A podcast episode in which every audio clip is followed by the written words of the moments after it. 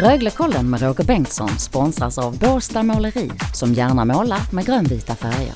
Röglekollen är tillbaka här på Radio Båstad. Det blev straffseger hemma mot Luleå. Svårslagna Luleå. Nu har Rögle vunnit två gånger mot norrbottningarna. Röglekollen är här. Häng på!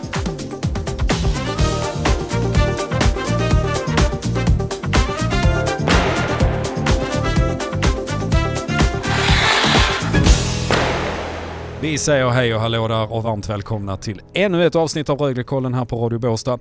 Denna morgon som brukligt med undertecknad Roger Bengtsson och idag expert i form av Gamleback-titanen Almen Bibic. Varmt välkommen Almen! Tack så mycket! Kul att du vill vara expert här i Röglekollen. Du, eh, ja gamle kallar jag det, det är du ju inte. Du så gammal är jag Nej, verkligen inte. mig Back, att- back-titan är Ja, du. vi, vi stannar där. Eh, okej. Ja, vi stannar där. Vi stannar där. Du, ett uh, Rögle som tog sig an eh, fjärdeplacerade Luleå. Välkänt för att spela en tight, defensivt, välorganiserad hockey. Det fick avgöras på straffar där Anton Bengtsson satte den avgörande straffen. Otroligt jämn match mellan två jämna lag men hade vi kunnat pr- protestera om Luleå egentligen hade vunnit? Vad säger du Alm?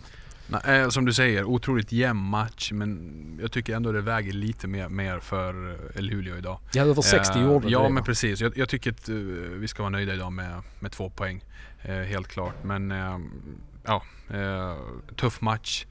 Tråkiga Luleå som många säger. Jag, tycker det är fantastiskt att se deras sätt att försvara, eh, hur trånga Mm. de är, Mm. hur, svårare, hur svårt det är att ta sig förbi linjerna när de spelar hockey. Det det är svårt att spela en konstruktiv hockey genom mittzon eh, när de tvingar motståndarna att dumpa ner pucken. Eh, Som du säger, det finns en skönhet i att se Luleås organisation. Det känns i vissa långa stunder, det görs ingenting ut, ute på isen utan att det har ett syfte. Ja precis, det känns inte som att de, de går på slump eller spelar på slump Nej. utan allt, allt de gör där ute eh, har en plan.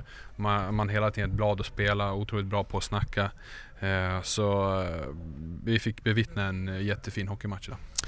Eh, men det är väl också säger någonting om Rögle den här säsongen att man trots bilden vi ger beskrivning av så går man ändå härifrån som vinnare. Tar två poäng, återtar serieledningen. Ja, eh, nu har vi stått här och smetat beröm över Luleå som har förlorat. Eh, men eh, ja, Ja. lite konstigt. Men, eh, men jag är jätteimponerad hur, hur Rögle ändå hänger med i den här matchen. Man saknar två etablerade spelare, toppspelare i ligan i form av Bristedt och eh, Everberg. Everberg. Sen eh, har vi eh, Nils. Nils, precis. Ja. Så det- det är, det är tre killar som, som har leder den här skutan eh, rent offensivt. Men man går härifrån med en vinst. Jag tycker det är jättestarkt. Experten tycker till. Så där Almen, en jingle som säger att du ska tycka till om tre saker i eh, dagens Röglekoll.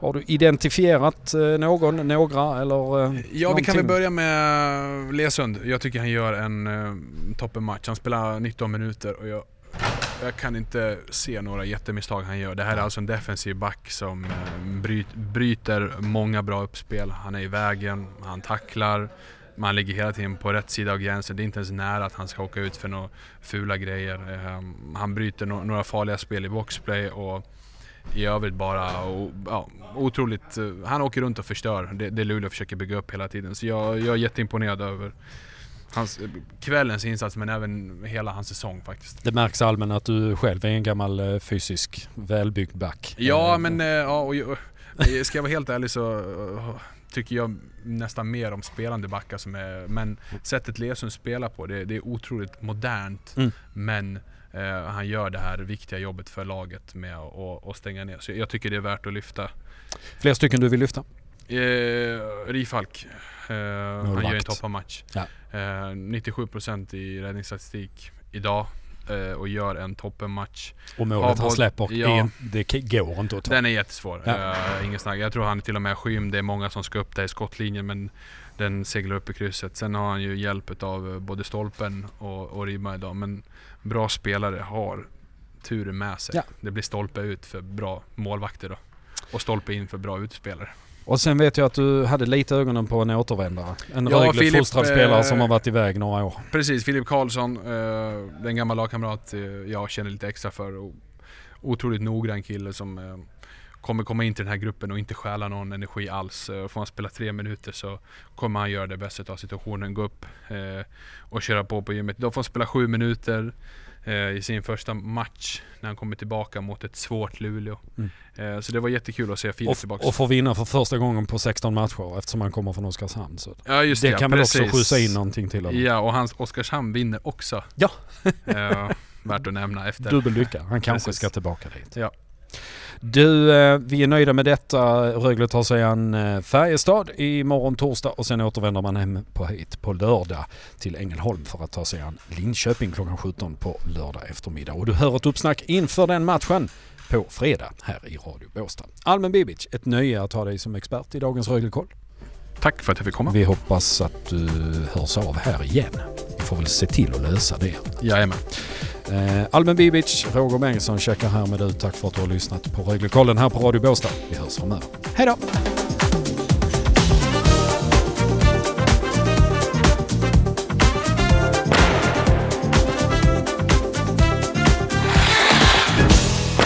Du har hört Röglekollen som görs i samarbete med Båstad Måleri.